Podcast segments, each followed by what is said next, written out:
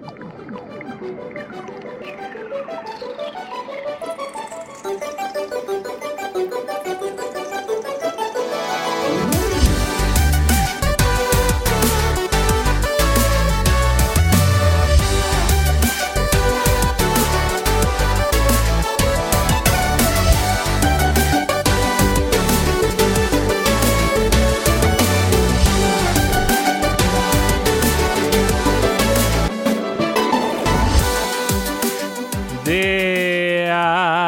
Fredag, det er sol, og det er Sidequest. Jeg har fått med meg en gjest som er en sidefest. Ikke mitt, uh, ikke mitt beste øyeblikk, akkurat uh, det.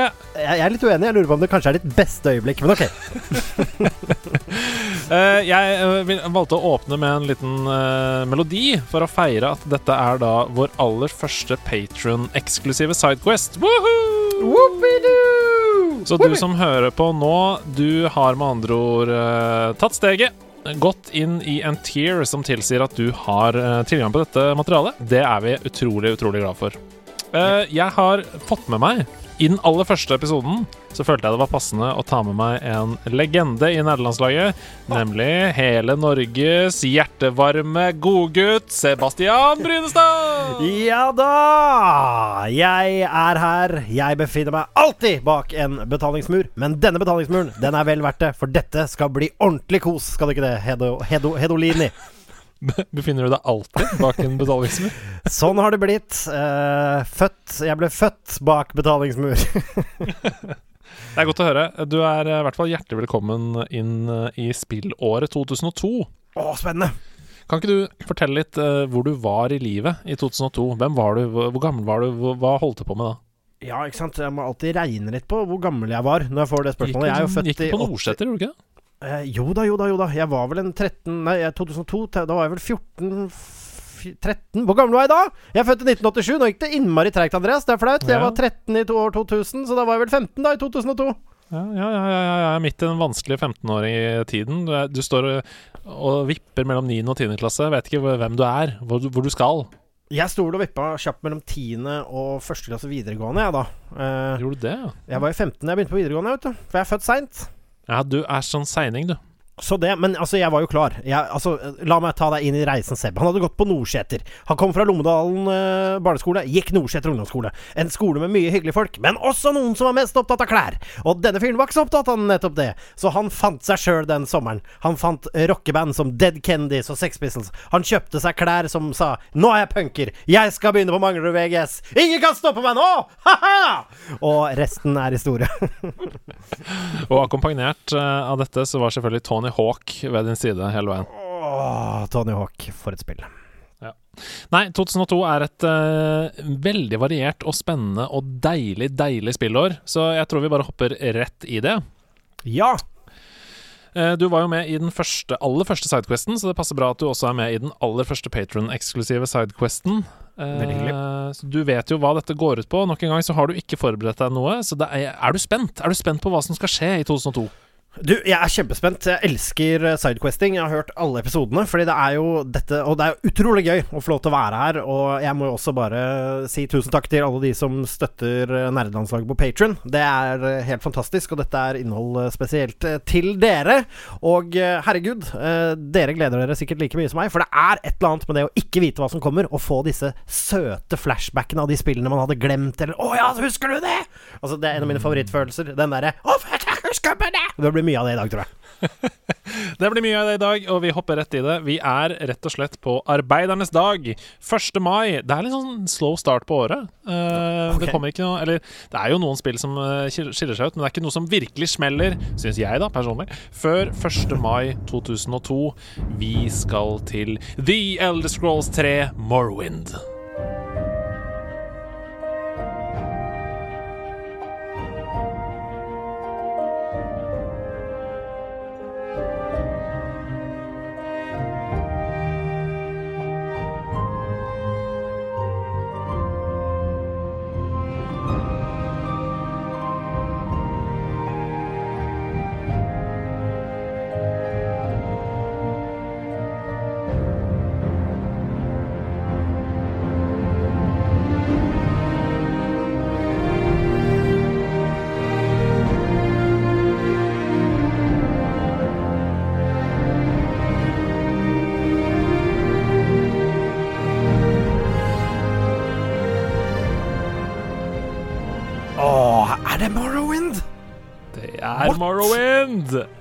1. mai i Nord-Amerika.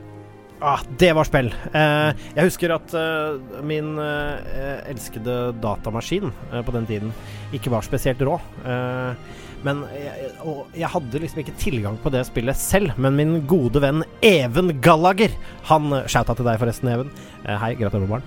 Eh, vi, vi spilte mye Morrowind side om side, og han lærte meg alt. Han var sånn super opphengt i det. Så mitt forhold til det er jo noe du har snakket om mange ganger, Hedo. Det er veldig mye å se på. Ja. Er det fetteren til Liam? Jeg må bare spørre om det. Er det fetteren til Liam Gallagher? Det er ikke det. Alle Ah, det, så 70 av alle med irsk at heter Gallagher til etternavn. det er sjokkerende nyheter for meg. Det har jeg aldri Ja, det- hørt om. 90 av all statistikk er funnet opp på stedet. Hei, hei!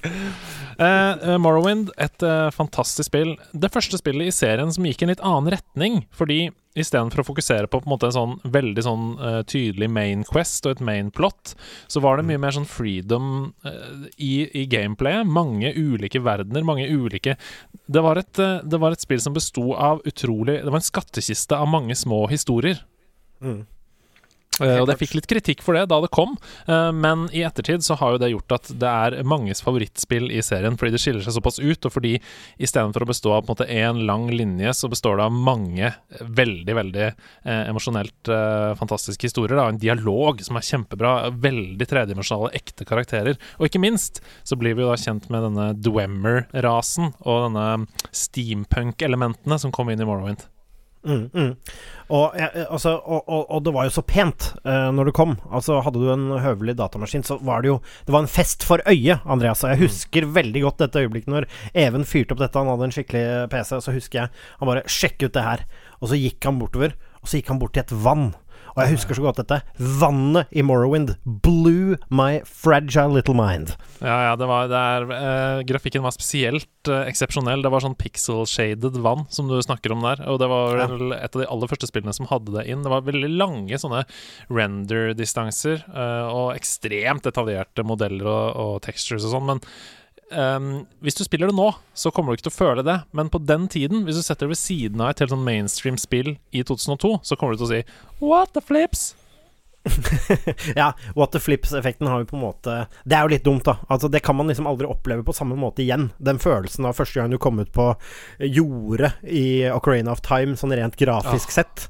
Emosjonelt sett kan du selvfølgelig gjenskape det, men det er et eller annet med det derre De derre øh, Hva heter det for noe? De milepælene av noen spill som liksom Ja, ja. virkelig sprengte hva man trodde var mulig for grafisk eh, ting.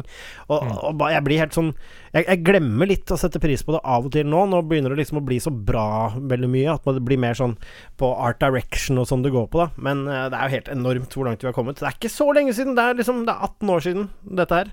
Og Ja. it blew my mind. Ja, ja, ja, nei, det er mye eh, nærmere moderne tid enn det man egentlig tror. Eh, 18 år, ah, det er ikke så lenge, ass. Eh, men jeg har lyst til å bare si at eh, eh, for de som eh, ikke har spilt Morrowind, men som sitter og hører nå og tenker å fy ja meg, det høres ut som et spill for meg. Masse små, kule historier og tredimensjonale karakterer og eh, eh, vann som gir meg water flips-effekten. Det har jeg lyst til å se. Um, det er en, et fanprosjekt som har holdt på i jeg tror det er i hvert fall ti år, altså. Med noe som heter um, Skywind. Um, som de har holdt på med Ja, det det er jo siden releasen av Skyrim, da, så 2011. Det er åtte-ni år, da. Eh, hvor de da bygger hele Morrowind fra bottom up i Skyrim. Eh, med grafikkmotoren og nye teksturer, og de tegner og lager og fikser alt. Og det nærmer seg faktisk release, og noen av de nyeste trailerne fra det spillet ser helt sinnssykt ut. Så eh, jeg tror at eh, Jeg tror at mens vi venter på The Elder Scroll 6, som kanskje er fire-fem år unna, mm. så kommer Skywind til å bli et fantastisk plaster på såret. Jeg tror det kommer til å bli den beste versjonen av Morrowind. Ja, det tror jeg også. Og jeg gleder meg som en såkalt unge. Det skal vi gjøre alle sammen. Vi bare hopper litt tid fram, vi. eh, til juli. Ok. Eh, her kommer det et spill som eh, på den tiden ble virkelig hyllet, altså. Eh, ligger rundt sånn ni av ti, ti av ti av alle eh, På alle anmeldelser. 92 av 100 fortsatt på Metacritic. Dessverre så har det nok blitt dratt litt ned i søla i senere tid, for jeg snakker om Warcraft 3.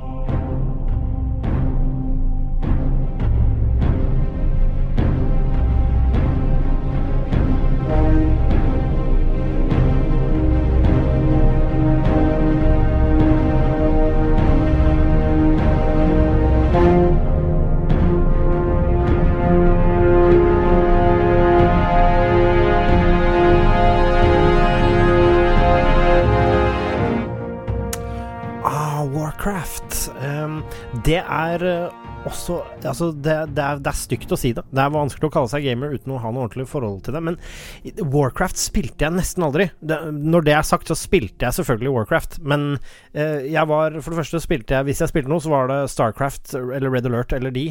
Eh, så det er faktisk ikke, ikke, et spill jeg kan veldig mye om, eh, rett og slett.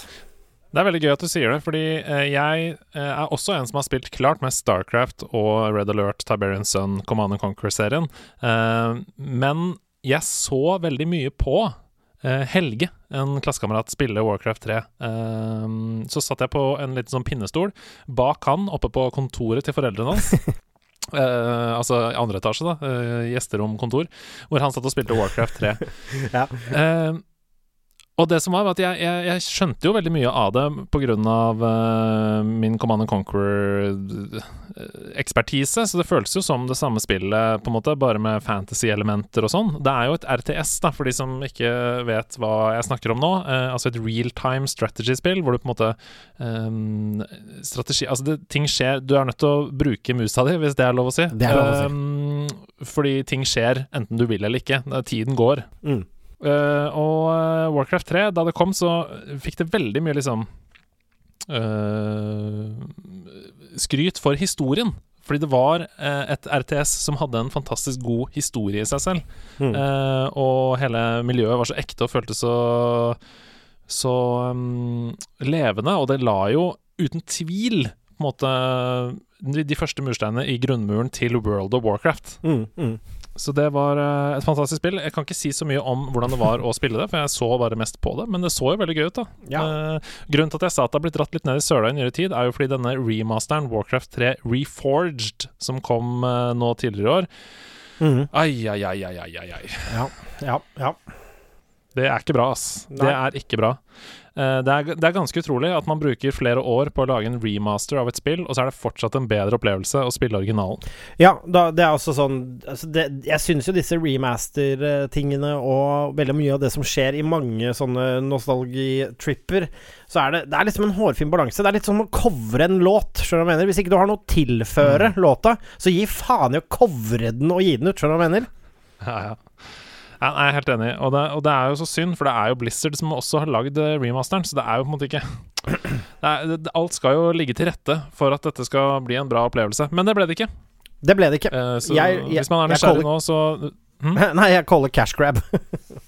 ja, du caller cash grab, ja. Uh, hvis man er nysgjerrig nå, så tror jeg de fleste vil anbefale å heller spille originalen istedenfor å gå for remasteren. Yep. Vi hopper videre uh, fra mørket i Warcraft til lyset in the tropical islands. Vi skal til 19. juli 2002 og Super Mario Sunshine!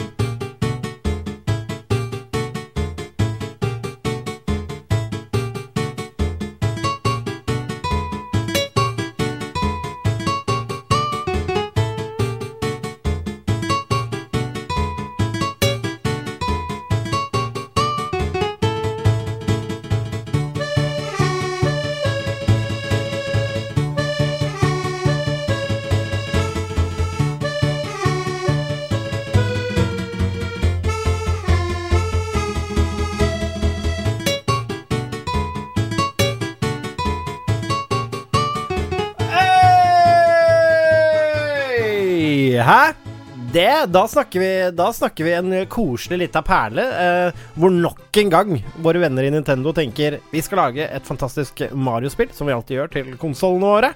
Eh, og skal vi ha noe nytt og spennende? Ja. Hva er det denne gangen, da? Er en slags vannspreder. Hva tenker du?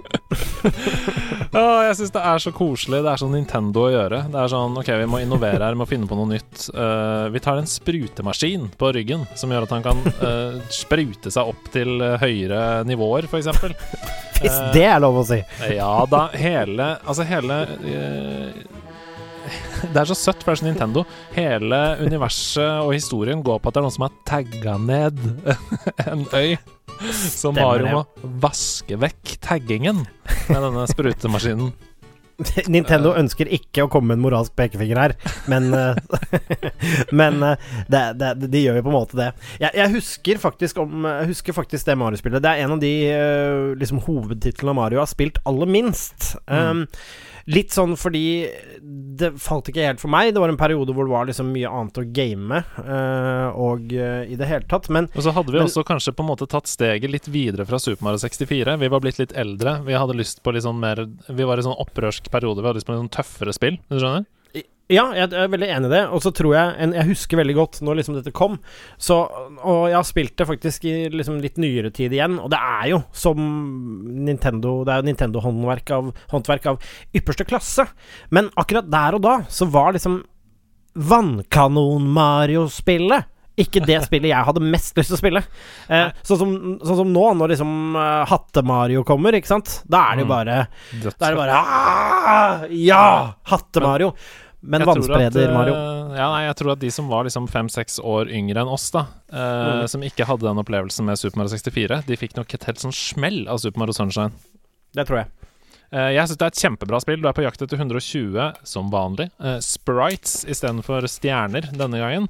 Eh, og det er jo da Mhm. direkte oppfølger til Super Mario 64. Så alle de som har spilt Super Mario 64, men ikke dette, det, det er veldig mange av de samme gameplay-elementene, bortsett fra at du har denne tingen på ryggen da, som eh, du fyller med vann, som gjør at du kan komme deg eh, forskjellige steder som man ikke kunne i Super Mario 64. Ikke sant? Men eh, et av de aller beste spillene på GameCube, det må sies. Eh, det ligger på 46.-plass i Official Nintendo Magazine sitt 100 Greatest Nintendo Games of All Time. Eh, oh ja, ikke sant. Og det er et kjempebra spill. Altså Det har 92 av 100, yeah. og hvis du, hvis du liker Super Mario 64 og de typer spillene der, så er det et uh, superspill, altså. Eh, jeg elsker altså, musikken, altså er- jeg syns alt var gøy med det. Ja, det er en no- er no-brainer. Men jeg tror for deg og meg, da, som er Du er 88, er du det? Mm. Ja, jeg er 87. Jeg tror vi var rett og slett bare uh, Uten at det var lurt for oss, eller riktig på noen som helst måte, tror jeg jeg bare i hvert fall kan snakke for meg selv, da. Men jeg tror jeg rett og slett jeg var bitte litt for tøff i den tiden. Ja, ja, For og- Super Mario vannspreder tagging Altså, jeg, det var mer tagging for meg enn å vaske bort tagging. Ja, jeg, jeg, og vi var jo, det var vi som var dumme. Det var vi som tok feil. Uh, Ja, ja. Fordi man skal jo selvfølgelig omfavne begge deler. Men uh, 2002 er jo på en måte Altså denne perioden her er Nintendo og PlayStation 2 sin periode. Uh. PlayStation 2 var helt insane på den tiden. Og det blir meg videre til det neste spillet på lista mi.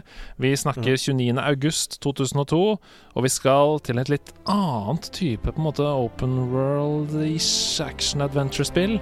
Vi skal okay. til Mafia.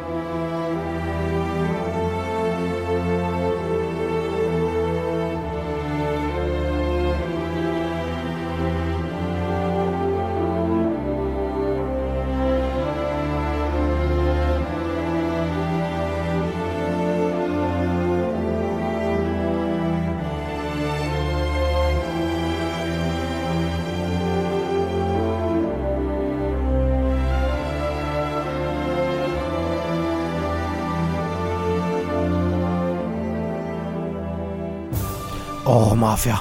Jeg husker Mafia så godt, og jeg gledet meg som en voffer til Mafia.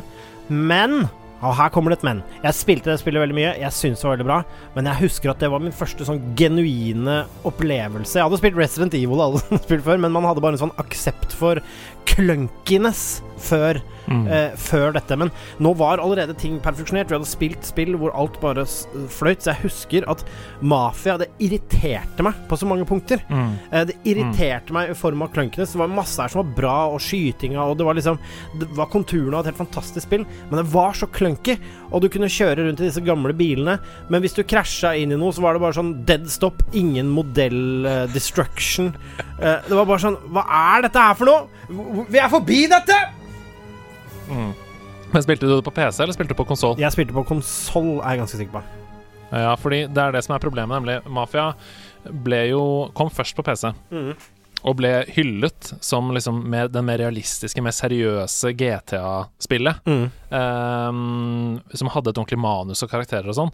Og så kom det på, på PlayStation 2 og Xbox etterpå, Mm. og ble eh, på mange måter slakta i forhold til PC-versjonen. Ikke sant? Så det, uh, der er sikkert problemet mitt, vet du. Ja, for jeg kan, jeg kan lese opp uh, uh, scoresene fra metakritikk her. På PC så har det 88 av 100, Ja. men på PS2 og Xbox så har det 65 av 100. Ja, ikke sant. Det henger jo veldig på greip. Jeg har ikke Jeg har verken spilt eller eh, tror heller ikke jeg har sett det blitt spilt, faktisk, på PC. Uh, så her kan det jo hende at uh, det er Altså, her kan det jo ikke bare hende. Her har det jo åpenbart skjedd. Jeg vet ikke om de har uh, muligheter for å ødelegge bilene og sånn, og de greiene der. Som er så viktig for meg, da, fordi en av de morsomste tingene når du har en sånn open world sånn som det der, det er jo å følge den gode historien og sånn, men det er også det der å gå ut i verden og lage ditt eget eventyr. Eh, sånn som Mm. man kunne i Altså, jeg, nevner Vice City, uh, eller eh, San Andreas, eller uh, GTA 5 for den saks skyld. Den derre Mm. friheten da som jeg følte at det spillet der mangla. Eh, altså Det første spillet Vi er jo eh, glad i å hovedsakelig snakke om det første spillet i serien her, med mindre det er eh, noe ekstra personlig vi har knyttet til det, eller eh, det har skjedd noe som gjorde at det ble viktig. Så Derfor så har jeg tatt opp Mafia 1 her nå. Jeg vet ikke om jeg kommer til å snakke om de andre, men eh, Mafia har, er en veldig suksessrik serie. Mm. Uh, og Mafia 3 er det vel, som er det siste, Mm. er et kjempebra spill. Ja, det er veldig bra. Uh, og det hadde ikke eksistert hvis ikke det var for Mafia 1. Så selv om det hadde sine problemer på konsoll, så lærte de nok av det. Fordi de senere utgavene som har kommet i den serien, er kjempegode spill. Uh, det var gratis på PlayStation Plus og Xbox Live for ehm, ja, bare en fem-seks måneder siden, tror jeg, og det var en god opplevelse. Ja, jeg likte også veldig godt uh, Likte også veldig godt Mafia 3. Uh, kjøpte det ved release, for jeg hadde fulgt veldig mye med på det og så at det kom til å bli bra. Uh, så det spillet likte jeg veldig godt. Um, Mafia spilte igjennom det på PlayStation, Uh, første altså, men eh, det var eh, Jeg vet hva, jeg legger meg på en Jeg er helt enig med den 6,5-en den ligger på. Mm. OK, vi hopper litt videre. Vi skal til eh, bare rett over grensa, til Sverige. Oi da. Eh, og til et spill som jeg er helt sikker på at um, Er det Oculus løsgodis? Eh, det er ikke det, men det er et godt forslag. Eh, Vi skal til et spill som jeg er helt sikker på at um, sørget for at dette studioet er et av de mest uh, Et av de største i dag. Eh, 10.9.2002 så bestemmer Johan Persson seg for at nå er det på tide å slippe Battlefield 1942.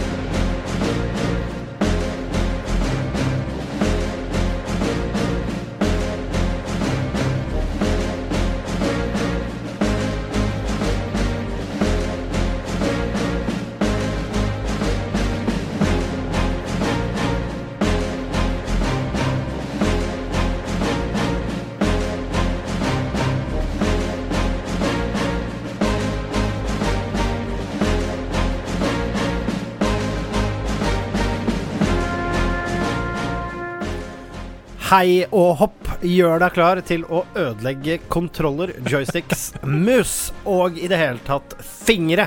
For det spillet har jeg spilt ekstremt mye.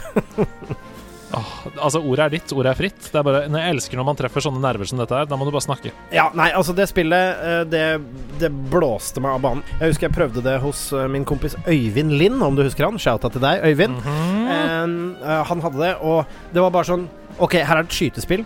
Vi er online. Vi kan skyte liksom andre spillere. Det er en av mine første opplevelser sånn skikkelig med en heftig online-shooter. Men det villeste av alt med Battlefield Du kunne liksom fly! Skjønner du hva jeg mener? Mm. I online battling!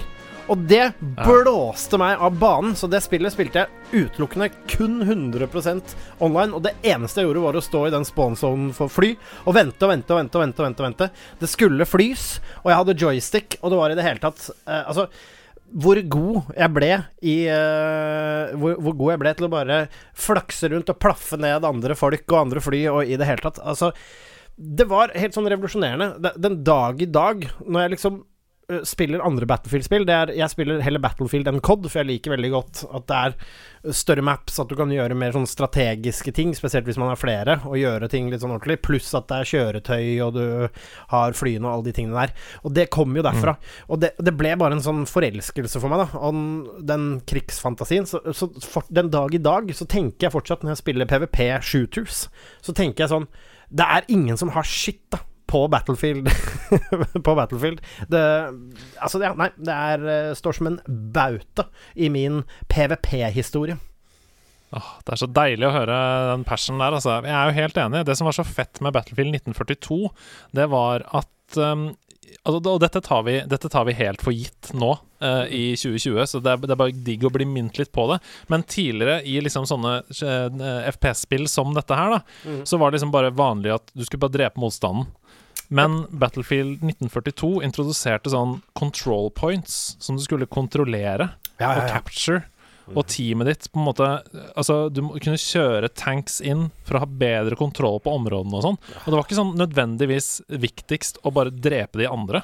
Det var masse taktikkeri og sånn som gjorde det utrolig mye mer givende og hadde fl mye flere strenger å spille på. da Og det, dette var det første spillet hvor de tingene ble introdusert.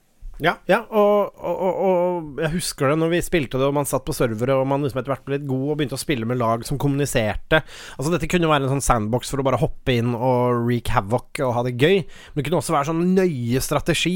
Vi, tar, eh, vi, vi går og tar det punktet, det punktet. Nå gjør vi det. Har vi riktig liksom strategi inn? Ja, de har en tank. Altså Det var bare Det var rett og slett eh, leve krigsfantasien da på ordentlig for liksom første gang. Ah, det er så deilig. Jeg kunne, snakket, jeg kunne hatt en egen spesial om bare Battlefield 1942. Eh, fordi det er så mange ting med det spillet som har gjort at vi har Altså, at vi har spill som bare Fortnite. Liksom. Det er så mange ting i Battlefield 1942 som har prega hele FPS-sjangeren. Ja. Ja. Eh, så tusen hjertelig takk for det. Kunne du kjøpe skins for penger der? Nei. Var det noe hassle med den slags? Ikke. Var det god core mechanic og bare å kjøpe spillet, og så kose seg med spillet? Jepp. Mer av det Tusen takk for det. Det er uh, syv spill igjen på lista mi, og jeg syns alle er dritbra. Så mm -hmm. dette lover godt. Ja, er du klar? Godt. Jeg er så klar som et såkalt egg! Og det er syv spill i løpet av bare snaue tre måneder. Så Åh, det er Vi skal inn mot gaminghøsten nå, eller? Ja, det er en heftig innspurt på 2002. Eh, 21. oktober 2002 så kommer dette! Åh, dette her gleder jeg meg så mye til å snakke om. jeg vet at du også har spilt dette her, fordi du har enten inntatt rollen som Gimli, Legolas eller Aragorn for å spille Lord of the Rings The Two Towers.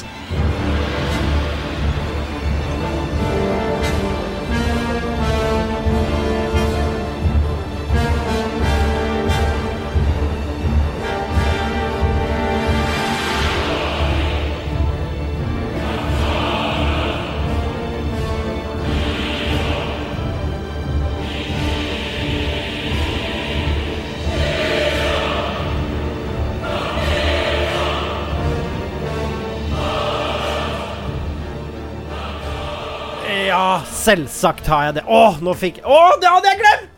Nå hadde jeg glemt det spillet! Nå skjer det. det vi, vi tisa i starten. Nå får jeg den følelsen. Fordi jeg husker så godt hvor blodfan jeg var av Ringenes herre, og hvor fantastisk rått uh, liksom, altså hele den franchisen Peter Jackson lagde, den verden Jeg hadde lest bøkene, filmene. Fantastiske. Ja, altså, det er antageligvis de filmene jeg har sett mest i hele mitt liv.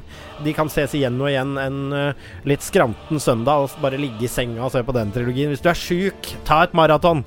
Altså Alt var bare prima, og så kommer dette spillet. Eh, dette var også en tid hvor vi begynte å bli klar over at eh, bli klar over at fra film til spill ikke nødvendigvis er en god idé. Eh, så jeg husker at jeg også var voksen nok til å ha en viss sånn skepsis til eh, hva dette var. Og så får man, stapper man spillet inn i konsollen. Så er det altså en skikkelig, skikkelig bra uh, beat em up, om man kan kalle det det. Med bare fete mechanics, fete, fete moves. Du kan spille som de ordentlige karakterene og få liksom Og utvikle moves og putte experience inn i ting og bli liksom Legolas eller Humle eller Aragorn. Helt rått. Altså, det er helt og, og, og, til den dag i dag, da, altså på det tidspunktet da det spillet kom, så hadde jeg enda ikke spilt et spill som var basert på film eller serie eller noen ting, som ikke var en bøtte med dritt. Men The Lord of the Rings, The Two Towers, var så sinnssykt bra! Det var så bra! Altså, da, Når du står på toppen av Helms Deep der, og det kommer berserker etter berserker over kanten, og det er dritvanskelig, og du må få sånn excellent, good, excellent hits og sånn Det var så fett! Ja, det, altså, det var, det var arcady. Uh, sweet mechanics uh, ja, Nei, altså, det var bare Det var bare helt riktig! Ja, alt var riktig, og det var sånn meter nede til venstre på skjermen som du kunne fylle opp. Um, og hvis du, hvis du hadde riktige komboer og gjorde alt bra uten å ta skade og sånn, så kom du inn i perfect mode. Og da Aragon bare klikka helt, og Legolas kunne bare skyte sykt med piler. Åh. Det, men hva, det var EA, var det ikke det? Uh, jo, det var det. Ja, fordi det, det, det er sånn i ettertid liksom tenkt på at det kom liksom Det var jo en utvikler som ikke nødvendigvis var så kjent, hvis jeg kanskje snakker ut av Ja, ræva nå. Stormfront Studios var det. ok, ikke EA. Ja, altså, de var publisher. EA var publisher, men det var Stormfront ja, som utvikla det. eh, ja. Ikke sant, det henger jo på grep. Uh, nei, det, altså en perle. Det spilte jeg utrolig mye, og det som var at det var ganske vanskelig også. Dritvanskelig. Og jeg husker bare den der greia der, da. Eh, det, det, og det er så kult, da. At når du har noe som er bra, fordi det var veldig vanskelig, og selvfølgelig et gammelt spill, noe der som kanskje er litt clunky, og kanskje tillater litt mer at noe av det kanskje Eller noe av vanskelighetsgraden kanskje var litt sånn ikke nødvendigvis bare at det var min skyld hver gang, men jeg husker bare den mestringsfølelsen når du dinga opp og gjorde det bra, og du fikk bedre moves, og du begynte å lære deg setsene og, og mekke det spillet, liksom. Jeg, det var en sånn triumf når du liksom hadde den i mål, husker jeg. Det, Ja, det var kjempebra. Og det det er helt trist som du sier, spesielt denne Helms Deep-banen, som vel avslutter spillet, er jo helt eh, blodvanskelig. Altså, det er så vanskelig. Vi, vi spilte og spilte og spilte og spilte, og spilte, og spilte, og til slutt så klarte vi det, og det var en prestasjon på linje Mm. med Grete Waitz sin seier i New York Marathon. helt klart. Og det var jo co-op også! Ja, det var så co-op som det kan få blitt, og jeg hadde ikke spilt noe særlig ordentlig sånn co-op, i hvert fall ikke på PlayStation, uh, inntil det. Så det var, uh, det var helt rått, det. Uh, Couch, couch co-op, ass. Couch real. MVP. Og for, for de som kanskje er litt um, yngre enn oss, så var det kanskje oppfølgeren, altså The Return of the King, som var det de spilte Ja. mest i denne serien. For det var også dritbra. Ja. Eh, vi skal ikke snakke mye om det, men det begynner jo da selvfølgelig i um, Der blir Fangorn Forest, uh, hvor de møter da The White Wizard. Uh, Gandalf, selvfølgelig, i den nye formen hvit. Hvor, du, hvor du innser at du kan spille som han. Og du kan holde på med the staff og smelle deg rundt og sånn, og det var dødsfett, det òg. Nei, det, det, det vet du hva. Det er uh, veldig ofte når det lages, som du sier, spill av film eh, eller annet innhold, så blir det søppel. Men eh, denne her vinner Turtles in Time-prisen for bra jobba. Det tar bare én uke, i oktober 2002, eh, før et av verdens største spillselskaper sjokkerer oss. Eh, for bare, bare ett år etter et spill som har snudd hele spillbransjen på hodet, så kommer det fakeren meg til, og det heter Grand Theft Auto Vice City.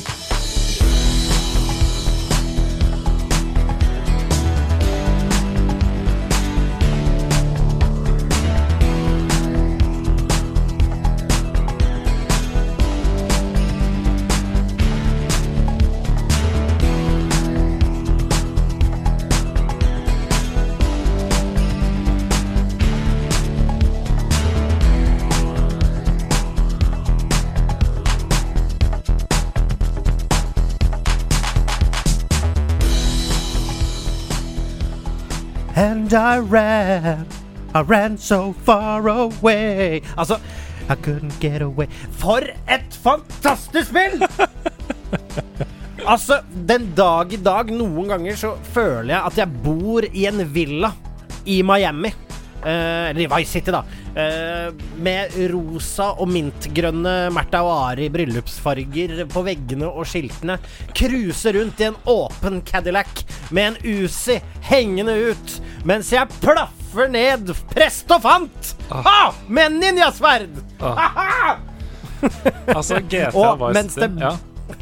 mens det blaster tidenes soundtrack i bakgrunnen. Fy fioto, eller fy fangorn, som du pleier å si. For et spill.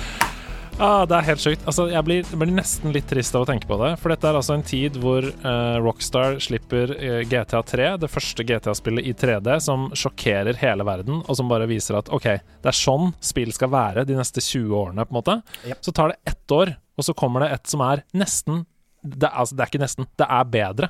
Og det, har, det kommer bare Ja. ett år etter. Ja, ja. Tenk hva de kunne gjort hvis de ikke hadde hatt en ledelse som var fokusert på å skvise mest mulig penger ut av GTA Online, liksom. Mm. Det kunne kommet GTA på GTA på GTA eh, med kanskje to eller tre års mellomrom nå, da. Mm. Istedenfor ti års mellomrom nå, fordi de skal ha så mye mikrotransaksjoner inn i online-delen at vi Ja, vi har tomme lommebøker, alle i, i verden. Ja, nei, altså kapitalisme dreper oss alle, på en måte, i uansett hva vi driver med. men, eh, men eh, det, det Hvis du drar det ut av the equation, da, hvis du ser på GTA 3, GTA Vice City og San Andreas eh, som liksom starten på dette her, da. Vi hadde jo GTA The Top Downs, eh, som, også, som jeg også har spilt i hjel. Men dette, som du sier, redefinerte det. Og når Vice City kom Jeg mener jo at de konstant blir bedre. Altså GTA Og hele veien opp Mm. til GTA 4, og selvfølgelig GTA 5. Det er bare den gjengen som lager disse spillene. Det er så mye De gjør alt riktig, da. Eh, de utvikler alle de tingene som fansen vil ha. De begynner med en helt sånn maktdemonstrasjon inn i GTA 3. Uh, og så kommer Vice City, som tar med seg alt det folk digga. Gjør det enda mer formatert. Du får liksom et soundtrack. De gjør en sånn tidskoloritt som er bare helt mind-blowing. Altså, de fikk Mm. alle kids med eh, liksom I det hele tatt en liten tilbøying til gaming. Altså kids, voksne, hvem som helst. Alle. Jeg husker vi sto i kø utenfor Spiderman i Oslo, i Kirkegata. Shout-out til de gutta der. Og jeg husker det, for der var det en vi kjente, og han var løssluppen med aldersgrenser i Oslo. Så hvis vi kom Så vi sto der grytidlig når døra åpnet, og så, og så var det sånn Ja, det var andre folk i butikken. Så vi sto utenfor til butikken var tom et sekund, og da hadde han gjemt unna to, så da fikk jeg og en kompis kjøpe GTA Vice City. Og, så, og, og hvordan, hvordan det spillet øh, alle de timene jeg har der, hvordan det lærte meg ting om liksom stil, altså arkitektur, eh, tiden man var i, selvfølgelig hele den bøllegreia og gameplay og sånn, men musikken og bare i det hele tatt det, Altså, for en maktdemonstrasjon av Rockstar. Du kunne vel Var det det første GTA-spillet hvor du kunne fly helikopter og kjøre båt og sånn? Ja, eh, du kunne kjøre båt, og nå husker jeg Du kan, kan vel svømme her også, tror jeg? Ja, Eller er, er det San Andreas første du kan svømme i? Det husker jeg ikke. Jeg det kan godt hende. Det, det, det er ett av de to. Mm. Um, anyways, jeg, altså jeg har spilt uh, Vice City så ekstremt mye, og jeg har runda det på nytt på iPad, og det er en oh. like god opplevelse. Hm. Uh, du får det på IOS, uh, så hvis du ikke har spilt uh, GTA Vice City um, og liker GTA-serien Open World-spill, så er det en god touchscreen-opplevelse, og det er som du sier, en helt unik tidskoloritt med et helt farkings amazing soundtrack. Å, herregud!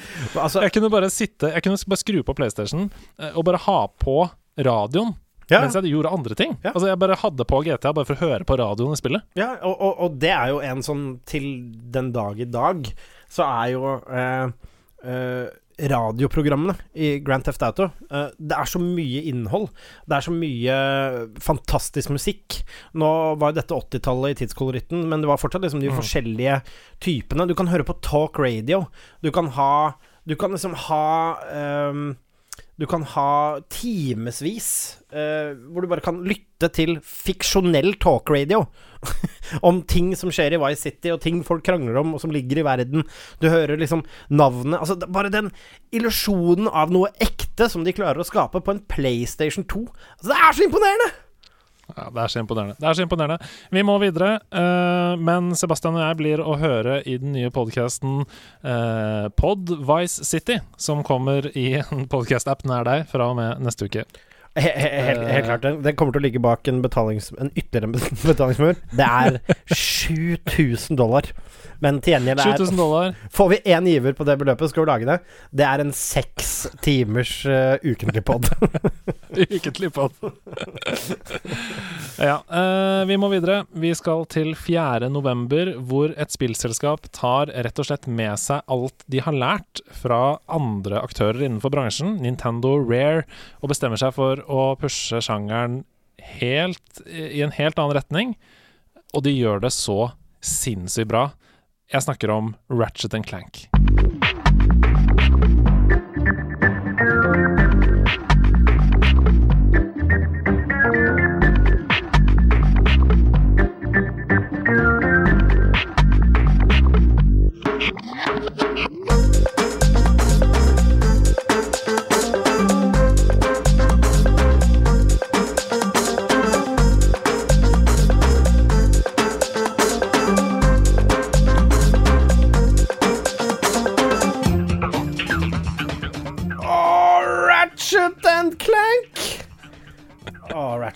Ratchet, and Clank. Ja. Ratch Altså, kan jeg si, kan jeg si det en gang til, Ja. bare? Ratchet and Clank. Eh, et spill som Når jeg så det på reklamene, jeg var sånn OK, fy fjelespiller. Eh, dette er rått. Eh, men eh, samtidig så var det sånn Ja, men er det kult nok? Hvordan blir det?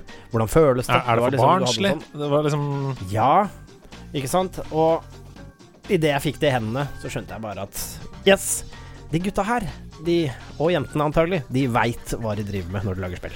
Altså, det er et spill som bare bobler over av overskudd. Alle våpnene har en helt unik eh, følelse, karakter, og nesten sånn Det er nesten sånn at våpenet er en karakter i seg selv i spillet. Litt som i Mm. det Borderlands en gang var. Det er litt, eh, det er litt mye i Borderlands nå, men um, Mm. Hver gang du plukka fram et nytt våpen, så føltes det var det sånn hi, Nå skal jeg bruke det, med sagblader. og og verdens, en av de verdens feteste sidekicks i Clank der, som uh, endra hele gameplayet til å være helt annerledes når du spilte som han. Um, Mm, mm. Nei, jeg syns det er et kjempebra spill. Det er et 3D-plattformspill. Kom til PlayStation 2, PlayStation 3, PlayStation Vita i ettertid i HD-oppussede versjoner. Og kom også i en remaster. Eh, hvor du da spiller som denne Ratchet som hopper fra plattform til plattform. Eh, forskjellen fra spill som Donkey Kong 64, Super Mario 64 og ikke minst Banjo Kazooie, er at du her da skyter løs med masse ulike crazy våpen. Mhm, mhm. Og, og der, altså, jeg husker jo når det kom, fordi et spill som bare året før, tror jeg, om det ikke det er to år før, men jeg tror det er ett år før, så det vet jo kanskje du, som har sidequesten, men Jack and Daxter Mm. eh, Det er vel 2001 eller 2000 noe? Ja, vi har snakka om Jack and Daxter før i Sidequest, så Ja. det var 2001. Ja, fordi de er jo veldig i slekt. Dette er jo begge to plattformere med morsomt sidekick og guns. eh, Eller det var jo ikke så mye guns i Jack and Daxter 1, for så vidt. Men, eh, eh, men det, det, er, det er et eller annet da som jeg elsker med liksom vibrating, sånn deilige poppende farger og, uh, og god, presis platforming. En quirky tone og en god liksom som både Ratchet og Jack har. Og det var liksom den tiden der, da, etter Banjo Kazooie og alle de spillene som liksom bare gir deg det der. Det er så deilig når noe bare er ordentlig bra lagd. Morsomt, Mm. lekent og fargerikt. Det er, det er, det er rett og slett eh, lykkepiller i gamingformat. Det er akkurat det det er. Ratchet Clank er en høyst levende serie, som, eh, og det er en grunn til det. Det er fordi det rett og slett bare er drita bra spill. Eh, Så hvis du liker eh, plattformspill, så må du bare sjekke det ut. Det er next level. Og, jeg Ok, kan, og, og, og bare kjapt shout ut det, da. Det kommer jo flere Sidequests, men jeg vil jo si at uh, Ratchet Clank Det ble jo også bedre og bedre. Og det nyeste som kom uh, Husker jeg ikke når det kom, men uh, plukk det opp. Uh, gi det til kidsa Ja. dine. Gjør whatever. Det er et konge, en kongeserie. Og et av de få spillene som også er kjempebra på norsk.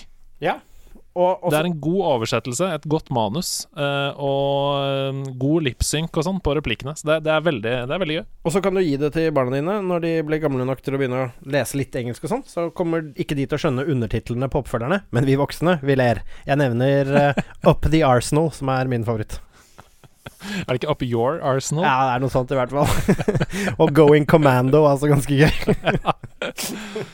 Det er morsomt. Uh, vi skal videre til et uh, spill som absolutt alle, tror jeg, da, som hadde Xbox, uh, hadde. Det var en must buy på den konsollen. og grunnen til at jeg sier det, er fordi alle jeg kjente som hadde Xbox, hadde dette spillet. Mhm. Um, det, det var utrolig, utrolig bra, og det pusha også sjangeren masse, masse videre. Jeg snakker om den 17. november 2002, Tom Clancys Splinter Cell.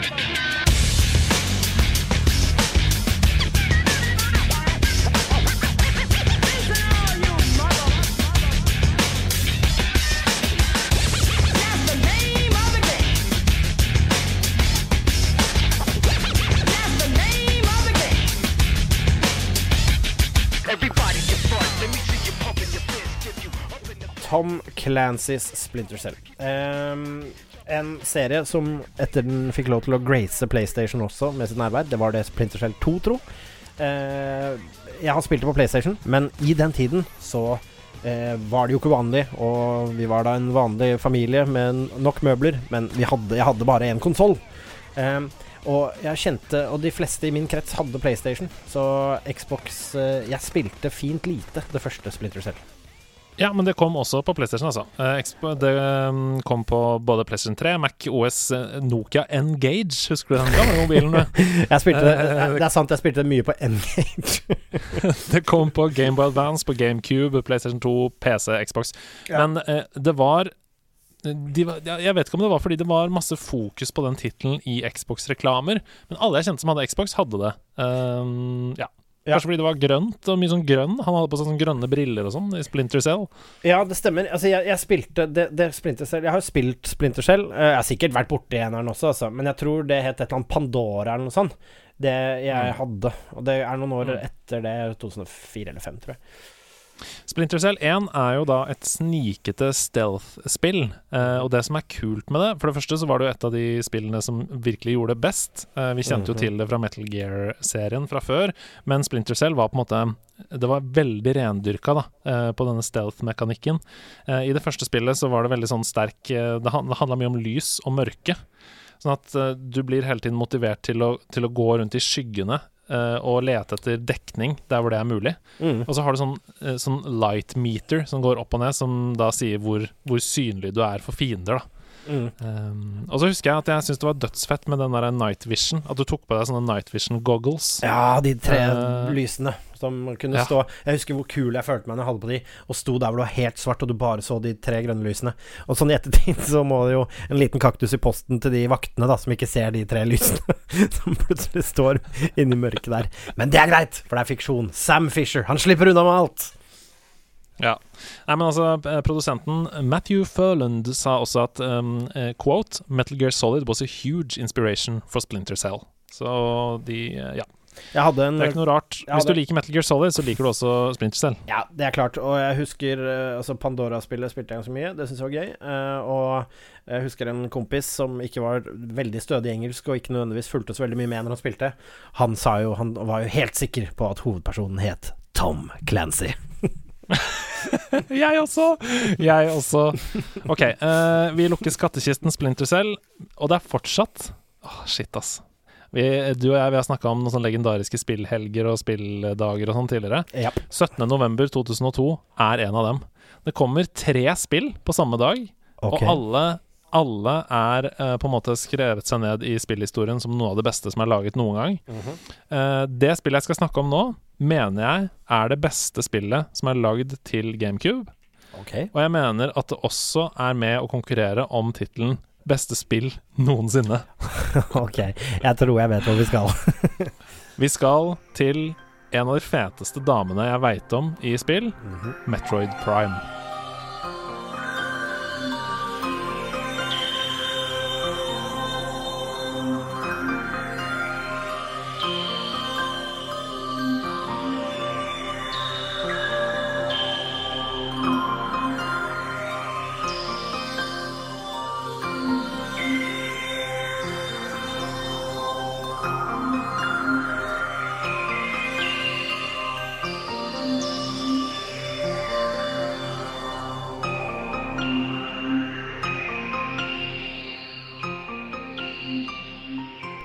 Herregud. Altså um, Metroid um, Det er en spillserie som jeg ikke fikk et forhold til før jeg ble eldre. Uh, Mm. Så i sin samtid så gikk det meg hus forbi. Men Mm. jeg har blitt forelsket i Metroidvania-filen, eh, og i det hele tatt Metroid i, på mine eldre dager, og spilt eh, blant annet da Prime. Og er vel ikke så mye annet å si enn at det er en bauta, det òg. Ja, det er et kjempe, kjempebra spill, og det er fortsatt bra. Uh, det er en 3D action-adventure game, og Metroid-serien hadde jo holdt på lenge. Vi visste jo alle hva Metroid-serien gikk ut på. Du starta Du eh, gikk rundt, og så unlocka du abilities som gjorde at du kom deg til nye områder innenfor samme på en måte, brett, eh, og var jo det første spillet som gjorde dette. Eh, men Metroid Prime var 3D for første gang, og derfor så sjokkerte det jo også verden. Å gå fra 2D til 3D var ehm, noe helt nytt i denne serien. Yep. Det kuleste med Metroid Prime er at det er så mye overskudd. Du kan gjøre deg om til en morph ball, for Ah, eksempel. Eh, for å komme deg videre og pøsle deg rundt og sånn. Um, og det er bare Det er et fjellstøtt, solid spill, ass.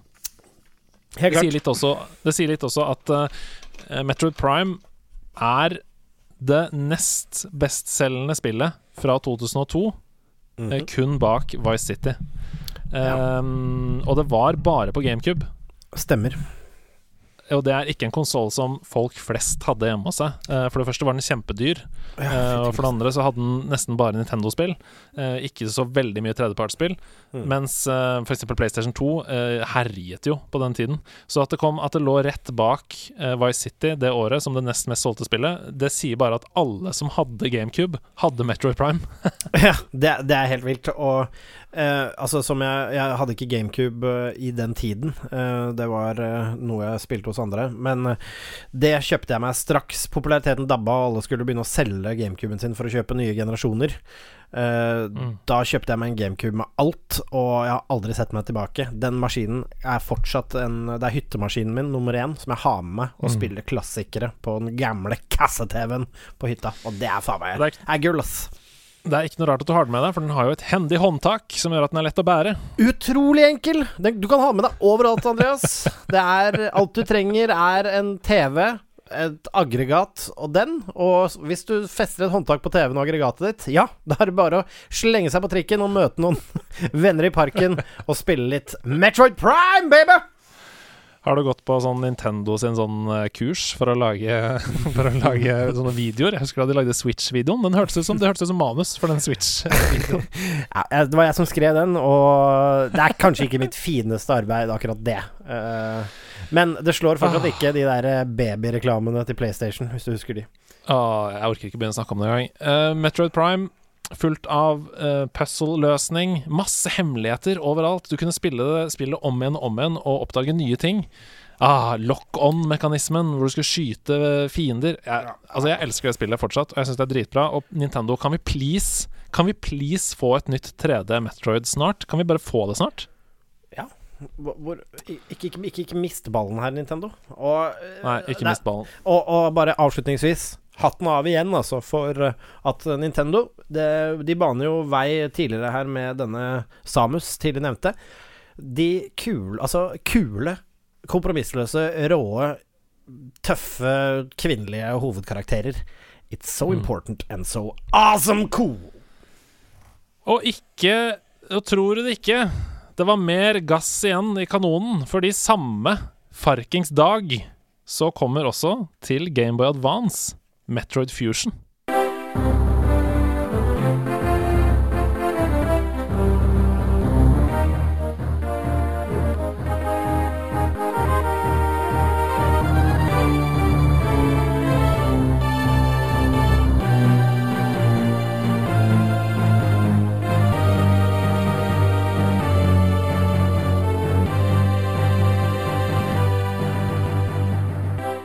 Skrusetta, gitt. Uh, Og det er Det mener jeg det er så sinnssykt ballsy move, da. Du lager to ekstremt gode Metroid-spill. Uh, Metroid eh, Prime er et av de som har skrevet seg inn i spillhistorien. Metroid Fusion eh, til Gameboy Advance har fortsatt 92 av 100 på Metacritic og ses på som et av de aller beste spillene til Gameboy Advance, og kanskje også uh, i hele Metroid-serien. Og så slipper du de på samme dag! Ja, det er uh, Metroid Fusion. Det kjøpte jeg meg på i mangel av Metroid Prime. Det hadde jeg på Gameboyen min, og jeg er ganske sikker på at ved siden av Zelda Altså de, når de etter hvert Altså putte de, disse Link to the Past og sånn kom i remake til, Eller kom i import til Gameboy Advancen, så tror jeg det er Pokémon-spillene og Metroid er, og Metroid Fusion er nok det jeg spilte aller mest på Gameboyen min. På seilbåten med familien, da, vet du. Hei sann! Ja. Og litt Metroid hei, hei, der. Når du ikke når du, og, og kryper rundt der og i dungeons og uh, abilities, og hvor utrolig fargerikt og kult, og jeg husker grafikken som så Den er så bra, da, til Gameboy å være. Det er eh, en eh, maktdemonstrasjon, rett og slett. Ja, det er helt fantastisk. Den Nightmare-bossen der, som du skulle ta på slutten. Åh. Det er, så, det er så bra. Vi har snakka masse om Metroid nå. Metroid Fusion er et spill i den samme uh, sjangeren. Det er sideskrollende, plattformhoppende. Det er jo 2D, da, ikke 3D, som sin storebror. Men herregud. Det er uh, Hvis du har en Game of Advance og ikke har spilt Metroid Fusion, det tror jeg ikke noe på. Fordi det var et av de aller- absolutt mest solgte spillene til Metroid Fusion Nei, til Game of Advance noensinne. Og kan si det, at det er Du får nå en uh, god strøken Game Boy Advance for en relativt rimelig penge. Uh, hvis du har lyst til å ha noe håndholdt og du er glad i retro, kjøp deg en uh, Game Advance. Uh, med deg eh, Pell med deg Metroid og noen av Zelda-portsene og noe Pokémon og sånn, så har du Altså, du har så mange timer da, med kos, for det står seg. Det er ikke lenge siden jeg plukka opp Game of Advance min og poppa inn, uh, poppa inn Metroid, og den uh, det, det, er, det er fortsatt Det er fortsatt Det står fjellstøtt. Det er det det gjør, fordi det er jo pixel art, og den er jo, som vi alle vet, tidløs. Uh, Owlboy, et godt eksempel på det i moderne tid. Uh, så ja, det spillet har holdt seg. Det er kjempebra fortsatt. Vi må komme oss til slutten av denne sidequesten. Okay. Uh, det er det siste spillet som kom som det året. Det er ikke det siste spillet som kom det året, men det er i hvert fall det viktigste, syns jeg. ok 13.12.2002 går unge Sebastian Brynestad i Lucia-tog med selve kronen. Han har blitt Lucia dette året. Drømmen lever. Men lite visste han om at samtidig, på andre siden av verden, så slippes det et spill med en helt ny artstil som Oi. virkelig setter uslettelige spor i seg eh, i mang et barnesinn. Jeg snakker om The Legend of Zelda The Wind Waker.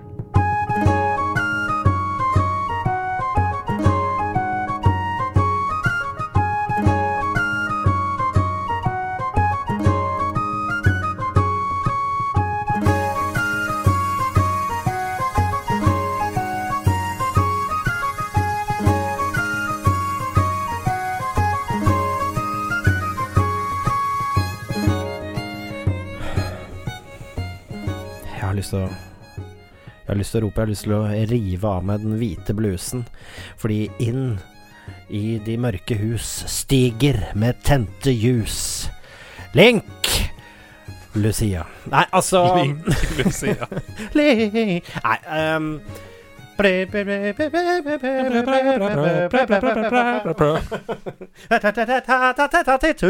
Altså Jeg blir nesten rørt av det. Det Første gangen jeg satte seil på Kongen av de røde løver eh, og vi har snakket tidligere om det å se vann i Morrowind, men selvshading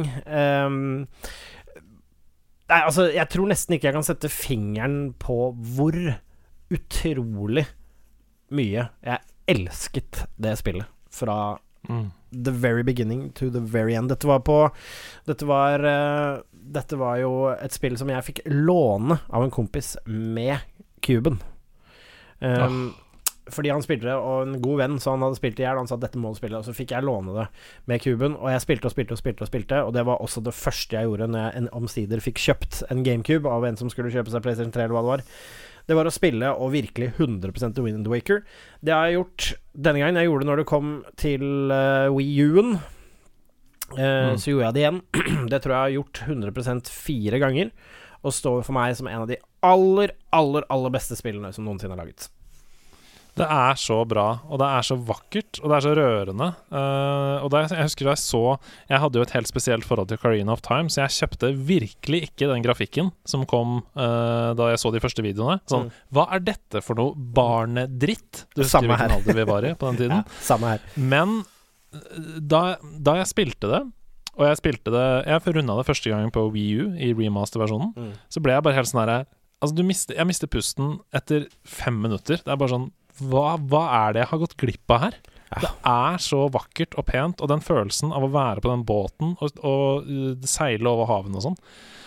Jesus Christ. Det, det er på, helt på linje med Breath of the Wild når det kommer til utforsking og skaperglede og opp, Ja. eh, Altså at du finner noe rundt hvert eneste hjørne og sånn. Ja, å fiske Altså fiske med den kroken og finne bitene av The Triforce, som mange mener var veldig tedious, men som øh, Jeg mener at øh, du kan se elementer øh, De strømlinjeforma jo en del ting i en remake, som for så vidt er greit nok. Jeg skjønner at hver sin smak der, men bare å seile rundt på kongen etter å ha gjort alt, og bare sette seil, det raske seilet, vel å merke, Bare stille vinden den veien du ønsker, og bare feie gjennom havet og nyte det, musikken og dun, dun, dun, dun, dun, dun, dun, dun, dun, dun.